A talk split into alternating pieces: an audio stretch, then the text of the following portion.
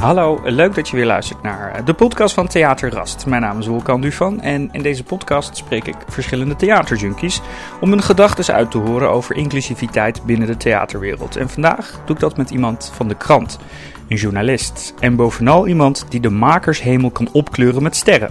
Ik heb het over recensent cultuur en media van de Volkskrant, Annette Embrechts. Hoi, goeiedag. Dag Ja, hey, goeiedag. Bij jou thuis. De kinderen zijn net uh, even een blokje omgegaan. Die hebben even naar beeld en geluid gestuurd. Heel goed. Ja. Want jij woont in Hilversum. Ja, en het is hier altijd chaos met veel kinderen over de vloer, maar ook gezellig. Ja. Hey, stel je voor, dit is een hypothese, um, dat er een theaterstuk wordt gemaakt over Neşet Ertaş. Uh, dat, is een, dat is een van Turkijs grootste boswakartiesten. Uh, dat is een man waar ik een brok van in mijn keel kan krijgen. Dat, die, die man is uh, inmiddels overleden, heeft een staatsbegrafenis gekregen. zo groot is hij. Uh, ik denk dan aan geel glooiende heuvellandschappen in Centraal-Anatolië. En dan komen er hele rauwe herinneringen boven van vroeger. Uh, terug naar dat theaterstuk. Jij zit er, ik zit er. Ik zit er met mijn broek in mijn keel. Jij zit er om te recenseren. De volgende ochtend word ik wakker. Ik denk, ik sla die uh, Volkskrant open. Hebben wij dan nog een match de volgende ochtend? Ik hoop het wel natuurlijk. Op het moment dat jij een voorstelling maakt om een brug naar mij ook te slaan dus dat jij duidelijk naar mij kan maken, naar een breder publiek ook, waarom deze man voor jou met zijn grote staatsbegrafenis een rol heeft gespeeld in jouw leven. En waarom je dat publiek wil maken, is het mijn opdracht om te verdiepen van, hey, wie is die man dan? En hoe kan het dat hier een journalist zit die opgegroeid is in Arnhem en die nou podcasts maakt en dat die man zo belangrijk voor hem is? Ik ga dan niet net doen alsof ik alles van die man weet. Want dat weet ik niet. Ik ben niet met hem opgegroeid. Maar wij moeten elkaar ergens wel ontmoeten. En dat moet tijdens die voorstelling gebeuren. Dus diegene die die voorstelling maakt, moet het naar mij vertalen, maar niet zo dat, dat hij zijn verhaal verliest. Never. Hij moet zijn verhaal vertellen, maar ook dat openbreken. En zo moet ik mijn oordeel ook openbreken naar dat verhaal. En we zijn begonnen. hey, ik zit hier tegenover een journalist. Als je dat zou moeten omschrijven in een cocktail, dan zit daar denk ik heel veel nieuwsgierigheid in, maar ook invalshoeken en hypotheses. Als we bij nieuwsgierigheid beginnen, wat is jouw nieuwsgierigheid over dit onderwerp als het gaat om inclusiviteit? Ik vind het sowieso een van de belangrijkste onderwerpen van eh, dit moment. En ik vind het heel leuk om met jou in gesprek te gaan. Jij bent van een jongere generatie. Ik ben toch al, ja, ik wil niet zeggen een dinosaurus, maar ik draai wel al 20 jaar, 30 jaar eigenlijk al mee, 20 jaar bij de Volkskrant. En ik heb me alleen maar gerealiseerd dat er nog veel meer met dit onderwerp moet gebeuren dan tot nu toe is gebeurd. Dus het, het wordt alleen maar belangrijker. Anders missen we ook de volgende generatie. Dat is niet alleen de reden hoor, maar we, we lopen anders ideeën mis, verhalen mis uh, en generaties mis. En vaak wordt ook gezegd van journalisten: ze hebben een dubbele agenda, ze hebben een invalshoek. Als die vraag aan jou moet worden gesteld: wat is jouw invalshoek uh, voor dit gesprek? Wat zeg je dan? Dat ik erin veranderd ben dat ik denk dat ik twintig jaar geleden, tien jaar geleden veel stelliger wist hoe het zat. En dat ik nu me wat, ja, bescheidener is niet het goede woord, wel iets bescheidener in mijn opvattingen, dat ik wel uh, een andere houding heb aangenomen. Dat ik uh, veel nieuwsgieriger ben geworden, dat ik nieuwsgierigheid ook als uh, middel zie om in gesprek met elkaar te gaan. Dus dat ik me veel bewuster ben van mijn eigen rugschak als nou ja, je had het net over kinderen als witte vrouw met drie pubers in huis en uh, net 50. Dus dat ik me veel bewuster ben van: oké, ik doe ook mijn werk met mijn bagage en mijn rugzak. En anderen doen dat met hun bagage en hun rugzak. We zo uh, inzoomen op, op, op, jouw rol als recensent. Um, voor de mensen thuis die, die denken van, uh, ja, maar wat is, wat, wat is mijn invalshoek dan? Van Wolkan Duvan, die zegt wel leuk, uh, ja, leuk dat je weer luistert. Ik probeer daar denk ik achter te komen wat het nou inhoudt, inclusiviteit binnen de theaterwereld of binnen de culturele sector. En ik heb ervoor gekozen om zoveel mogelijk verschillende theaterjunkies te spreken. Jij, jij bent iemand van de media, Uh, ik heb ook artistiek leiders gesproken, van jong naar oud, van klein gezelschap naar groot gezelschap. Er komen nog schouwburgdirecteuren aan. En ik hoop zodoende dat ja, de luisteraar voor zichzelf dan door al die verschillende, verscheidene uh, meningen of analyses of gevoelens, ja, daar toch een beetje een idee van gaat krijgen van wat inclusiviteit inhoudt. Althans is natuurlijk mijn poging.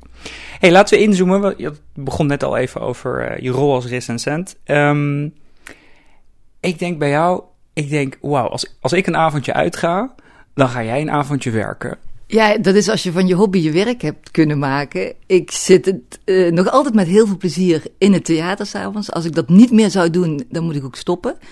Als ik blasé of cynisch zou worden. Ik durf te zeggen dat ik niet cynisch ben in mijn vak. Zeker niet na twintig jaar. Ik kan, ik kan boos worden voor voorstellingen. Ik kan uh, tot tranen toe geroerd zijn. Ik kan van alles vinden van een voorstelling. Maar op het moment dat dat zaallicht uitgaat, of dat ik ergens op locatie zit, of waar dan ook, en ik heb die file overwonnen, dat vind ik nog altijd het heerlijkste wat er is, uh, in het theater zitten. En als recensent, in ieder geval voor mij, ik zie heel veel dans en theater. Dus ik zit denk ik gemiddeld vier avonden per week in het theater. Geen overbodige luxe. Nee, alleen je sociale leven leidt er wat onder. Maar daar, dat heb, daar heb ik me al twintig jaar geleden bij neergelegd. En uh, ja, dat, dat is de prijs die je betaalt. Maar ik geniet er nog altijd van.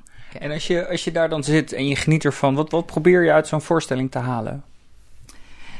Uh, van alles, van alles. Dus in eerste instantie, kijk, als recensent beroepsmatig ga je oordelen. Dat moeten wij ook, want dat verwacht de krant ook van ons een oordeel. Uh, maar het moet een beargumenteerd oordeel zijn. Dus je zit al tijdens de voorstelling, op het moment dat je iets spannend vindt, of goed, of, of raar, of dat je denkt, waar, waar gaat het over? Ga je direct zoeken. Maar wat is in die voorstelling wat mij tot dit aanzet? Uh, dus je gaat argumenten zoeken. Dus tegelijkertijd heb je ook een vakje in je hoofd puur om, uh, om te genieten. Um, de Vandalen zegt over jouw vak deskundigheid over een boek, film of theaterstuk deskundigheid en argumenten. Um, terwijl je daar wel moet zitten met eh, gevoel. Je zegt net van hè, wat voel ik en waar komt dat vandaan? En dat probeer je te beargumenteren. Hoe zit dat met deskundigheid en dat aanvoelen? Hoe, dat, dat, lijkt mij heel erg lastig namelijk. Ja, dat, dat is het niet hoor. Mensen denken altijd van zit je daar nou als een spontane toeschouwer? Nee, eerlijk gezegd zit ik niet als een doorsnee toeschouwer daar. Want die zit niet vier keer in de week in theater. En um, dus ik kan uh, context meebrengen. Ik, ik, tuurlijk kunnen wij vakmanschap onderscheiden. Weet je, dat, dat leer je ook echt in die loop der jaren. En deskundig ben je op het gebied van dat je weet waar makers mee bezig zijn, welke ontwikkelingen er zijn. Um, uh, ja, in welk genre ze zitten. Je, uh, weet je, je weet of een voorstelling echt goed in elkaar steekt, of de spanningsboog.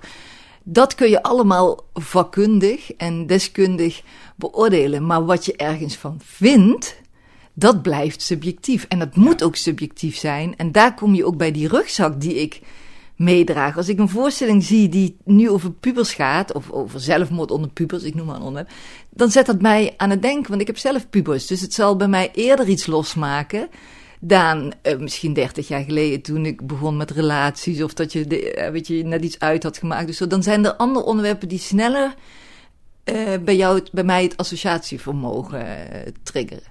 Dus in, in dat opzicht haal je je kennis ook uit dat rugzakje, namelijk wie je bent en waar je vandaan komt en of je pubers hebt, et cetera. Ja, daar zie, zie ik dat zo goed? Ja, daar, daar ben ik me steeds bewuster van geworden. Dat die rugzak meespeelt in hoe ik een voorstelling uh, ervaar. En op zit dat nog steeds comfortabel als je dan in zo'n theaterstoel zit? Ja, eigenlijk uh, daardoor comfortabeler. Want daardoor um, merkte ik ook dat als ik een voorstelling zag waarvan ik eigenlijk dacht... Oeh, hier heb ik heel weinig aanknopingspunten. Ik zeg even, ik zag eens een voorstelling uh, die was gemaakt over kung fu films. En die heb ik niet in mijn rugzak. Daar ben ik heel eerlijk in. Uh, en ik zag dat er bij het publiek iets gebeurde. Dat zij, die citaten die gebruikt werden, die riepen een wereld op bij hun. En ik dacht, waar kijk ik naar? En dan kun je twee dingen doen. Dan kun je zeggen, ja, deze voorstelling beperkt zich tot uh, liefhebbers van kung fu voorstellingen. Maar toen dacht ik, nee, ik moet natuurlijk een stap doen. En dan ben ik ook niet te beroerd om op makers af te stappen. En ook eerlijk te zeggen, laat mij eens even horen. Mail mij waar deze citaten uit, uh, uit voortkomen.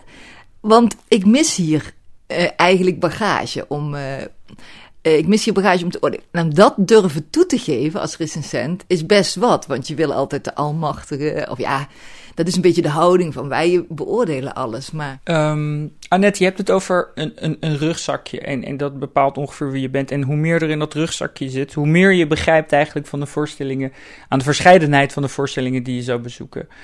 Maar wie heeft dan zo'n grote rugzak dat je al die verschillende facetten onder de knie kan krijgen? Dat je en Artash snapt, en Hamlet snapt, en de verhalen van Ras snapt. Het is toch een soort van supermens. Ja, en die zijn er dus ook niet. Want dan ben je zo'n kevertje wat achterover kiept en alleen maar achterover met je handjes in de lucht uh, loopt. Weet je, dan heb je een veel te zware rug, rugzak. Die bestaan dus ook niet. Uh, en dat moeten we ook niet willen zijn. Wij moeten eigenlijk samen met twee rugzakken op pad gaan. En hem dan ergens uitpakken. En uh, ja, nu ga ik een mooie metafoor, weet je, picknicken en dan dingen uit, uit, uit beide rugzakken neerleggen. Um, dus ik moet ook niet net doen alsof ik dat allemaal in mijn rugzak heb. Maar die, met een andere rugzak moet ook moeite doen om mij duidelijk te maken waarom maak je op dit moment een voorstelling hier in Nederland over die man. Waarom vind je dat belangrijk? Waarom, hè? Dus nee, we moeten niet een of andere mega rugzak eh, denken mee te torsen. Um, maar ik zie nu een beeld voor me natuurlijk met een stoet met allemaal mensen met uh, allemaal verschillende rugzakjes. En ik zie wel ook een beetje de Westerling die dan in zo'n veel te grote backpack toch nog die reis probeert aan te gaan. Ja, nee, en ik ben wat dat betreft uh, ben ik geen reiziger. Nee, ik reis hier, uh, laat mij maar hier lekker in Nederland mijn reis maken. Nee, maar dat is ook zo, ja. Um, hoe ging dat dan bijvoorbeeld 15 jaar geleden? Vond je dat moeilijker of was je daar minder bewust van?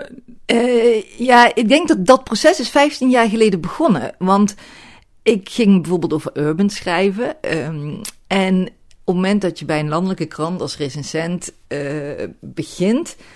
In het begin voel je, natuurlijk ook nog een beetje onzeker. Maar op een gegeven moment, je moet ook zeker zijn van je oordeel. Want anders kan je het niet beargumenteren. En uh, als je twijfelachtig of weifelend gaat opschrijven, dan worden dat matige stukjes. Maar ik werd me bewust van toen ik naar, met name naar urban ging kijken. Um, dat ik heel erg keek naar ambacht en spanningsboog. En dat ik dacht, ja, ergens, het zijn allemaal vier minuten stukjes of ik haak af. En toen ben ik in gesprek gegaan, en bijvoorbeeld met Marco Gerris van Ish, maar ook onder meer met ook mensen van Theater Rast, die mij veel meer lieten zien, ja, maar wij kiezen andere vormen. Wij hebben vormen die op andere elementen zijn gebaseerd of op andere. En eh, meestal werkt het dan zo, als het gesprek echt goed gaat, dan neem ik de uitnodiging aan om te komen kijken naar repetities of uh, uh, vertel me er maar over. En, en dan is het mijn opdracht om me erin te verdiepen. En dan te, veel meer te ontdekken dan wat ik eigenlijk al weet met al mijn ervaring die ik tot, tot dan heb opgebouwd. Je hebt zo'n stuk geschreven. Aan wie wil je dat overbrengen? Kijk, een dagblad heeft lezers. En dat zijn de doelgroep, of dat is de doelgroep van een dagblad. En makers, theatermakers, vergissen zich daar soms nog wel eens in. Die denken dat het een gesprek is, natuurlijk, een dialoog met makers. Uh, doe je ook een beetje, maar dat doe je eigenlijk niet via de krant. Uh, ik ga veel liever in gesprek met makers als ik mensen ontmoet, als ik naar repetities ga, of als ik bij een voorstelling ben geweest, of als ik inleidingen doe. Die stukjes schrijven wij voor lezers. Maar lezers is natuurlijk ook een brede doelgroep. Nou, onderzoek ze natuurlijk bij de Volkskrant wie de kunstpagina's lezen. En daar zul je soms nog versteld van staan. Want dan zeggen ze gemiddeld is het, geloof ik, niveau HAVO 4, wat dan, waar je vanuit moet gaan. Um, maar het betekent wel dat je het natuurlijk toegankelijk moet opschrijven, maar je moet het ook beeldend maken, want mensen hebben de voorstelling niet gezien. Um, ja, je, je schrijft voor het Volkskrant lezerspubliek, maar ook daarin probeer ik wel zo breed mogelijk te denken. En je had het net over dat je dus bijvoorbeeld ook, uh, voor Theater zou zo'n stuk maken, dat je dan naar repetities gaat. Is dat dan zo'n uh, vorm van nieuwsgierigheid en, en, en dat je dat dan uit de kast haalt om, om, om, om alsnog je te verdiepen, om, om um, ja, te weten waar dat stuk vandaan komt? Ja, ik herinner me dat ik ook met Theater Rast in gesprek ben gegaan, bijvoorbeeld over, uh, en dan moet ik het even goed zeggen, de Koerdische Hamlet was het volgens mij. En dan moet je dus ook al natuurlijk heel goed die kwesties weten, hoe dat zit met die Koerden in Turkije. En dan ook nog eens Hamlet vertalen naar die uh, politieke strijd die daar natuurlijk al jaren gaande is. En um, zij ging hem ook nog eens daar spelen, wat natuurlijk dus nog eens een hele lading meebracht. En ja, dan, dan moet ik beginnen bij nieuwsgierigheid, maar ook uh, in gesprek gaan met, uh, met hun. En je vroeg daar straks van waarom ben je daarin veranderd? Ik herinner me, en ik denk dat dat twintig jaar geleden is, dat nog gedacht werd als wij andere doelgroepen willen bereiken of als wij inclusiever gaan programmeren. In Festival aan de Werf werd toen Turks olieworstelen geprogrammeerd, want daarmee zou de Turkse doelgroep bereikt worden. Ik kreeg een pagina in de krant om daarover te schrijven. En iedereen dacht toen eigenlijk: dit, dit zijn de sleutels om uh, het Turks publiek binnen te krijgen. En als ik nu achteraf daarnaar kijk, dan vind ik het eigenlijk best wel beschamend. Want je denkt dan alsof er geen andere verhalen te vertellen zijn over Turkije dan het Turks olieworstelen. Het zat helemaal bomvol, hè? het was helemaal uitverkocht. En, maar wij gingen daar als ik wil niet zeggen attractie, maar als, als sensatie naar kijken. En dan denk ik, dan heb je nog eigenlijk een grote brug te slaan. Want dan, uh, ja, die verhalen die verteld kunnen worden zijn zo diverser. En zo ook veel belangrijker natuurlijk dan alleen dat fysieke olieworstelen. Dat, maar dat, dat, dat, was toen, hè? Um, zie je dat dat nu enigszins is veranderd? Ja, ja, dat is absoluut veranderd. Alleen al door de makers zelf. De generatie die nu aan, uh, aan de poorten staat, die brengen nieuwe verhalen mee. Die zijn ook, uh, ze brengen ook meer ambacht mee. Dat zie je ook. Uh, kijk, er is nu een generatie die ook nog in vakmanschap is opgeleid, die de toneelacademie in Maastricht heeft gedaan. Um, maar er is ook een generatie die brutaler is in het, um, in het kiezen van eigen vormen. Of dat nou muziektheater is, of locatietheater, of met je moeder op een podium gaan staan, of een ego-document formuleren, of een seat at the table maken, waardoor je eh, onderhuids racisme probeert aan te kaarten. Die generatie klopt met originelere vormen en nadrukkelijker aan de poort. Ik hoop wel, en dat vind ik ook de fout die jarenlang gemaakt is, of de fout wel verklaarbaar mensen wilden dat witte bolwerk in. Die wilden de eerste zwarte Hamlet uh, bereiken bij Toneelgroep Amsterdam of bij het Nationale Theater. Of, dus ze wilden zich eigenlijk te zeer conformeren aan de witte normen. Begrijpelijk, want daar was het geld, daar werden de producties gemaakt, dus allemaal verklaarbaar. En, en zag je dat toen al, toen je, toen je erover schreef, dat je dacht van hé, hey, dit gebeurt er nu?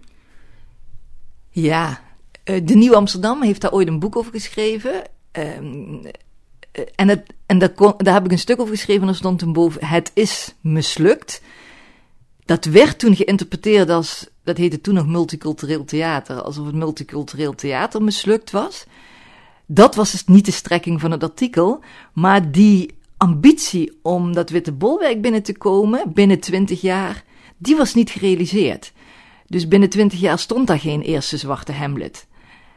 En mijn analyse was toen, ja, je kan dat blijven proberen, maar dan leg je het heel vaak af. Want dan moet je conformeren aan die uh, kwaliteitsnormen die dan door het witte establishment ge, geformuleerd worden.